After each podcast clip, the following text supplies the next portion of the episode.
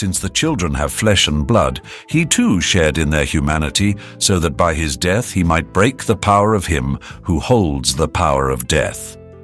That is the devil, and free those who all their lives were held in slavery by their fear of death. For surely it is not angels he helps, but Abraham's descendants. For this reason he had to be made like them, fully human in every way, in order that he might become a merciful and faithful high priest in service to God, and that he might make atonement for the sins of the people. Because he himself suffered when he was tempted, he is able to help those who are being tempted.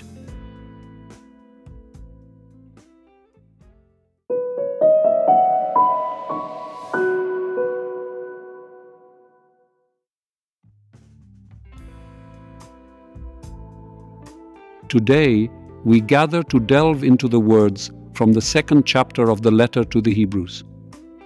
But before we begin, let's ponder for a moment.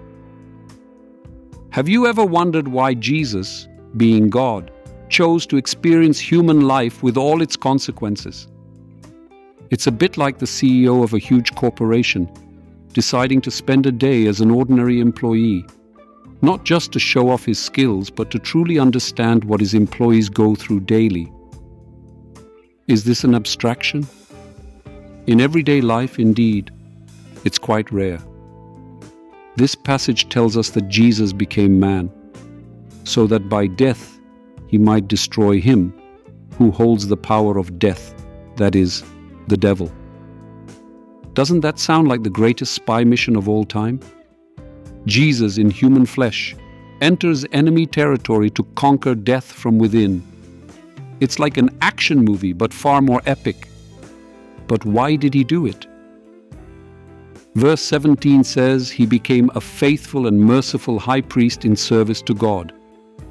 In practice, this means that Jesus not only solved our problems on the cross, but also understands them, having once struggled with them himself. When you say, Nobody understands me, Jesus replies, What about me? It's like going to a doctor who has gone through a similar illness. When you tell him about your pain, he nods empathically and says, Yes, I've had it. It's painful, right? Jesus is not an alienated being because he is God who knows the taste of tears, pain, joy, and disappointment. Let's also look at Jesus' life from another perspective. Did you notice that despite all the suffering, he never lost his sense of humor? Pay attention to his conversations with the disciples. They are full of wisdom, but also humor and irony. Christ not only taught and suffered, but he also enjoyed having fun with a cup of wine and a good meal, which did not escape the attention of his opponents.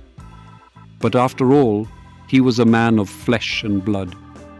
In our lives, full of challenges and difficulties, joy and laughter can be like a balm. It may not always change the situation, but it can certainly change our attitude.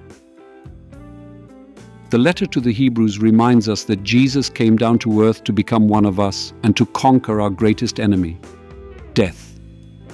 But he did it with love, mercy, and an understanding of our weaknesses. In our own daily skirmishes with life, remember that we have an ally. It's like a friend who knows the pain of defeat and the taste of victory, because Christ encourages us to find joy, especially in the hardest moments. May this weekend be an opportunity for you to smile at difficulties, remembering that you are not alone in them. Amen.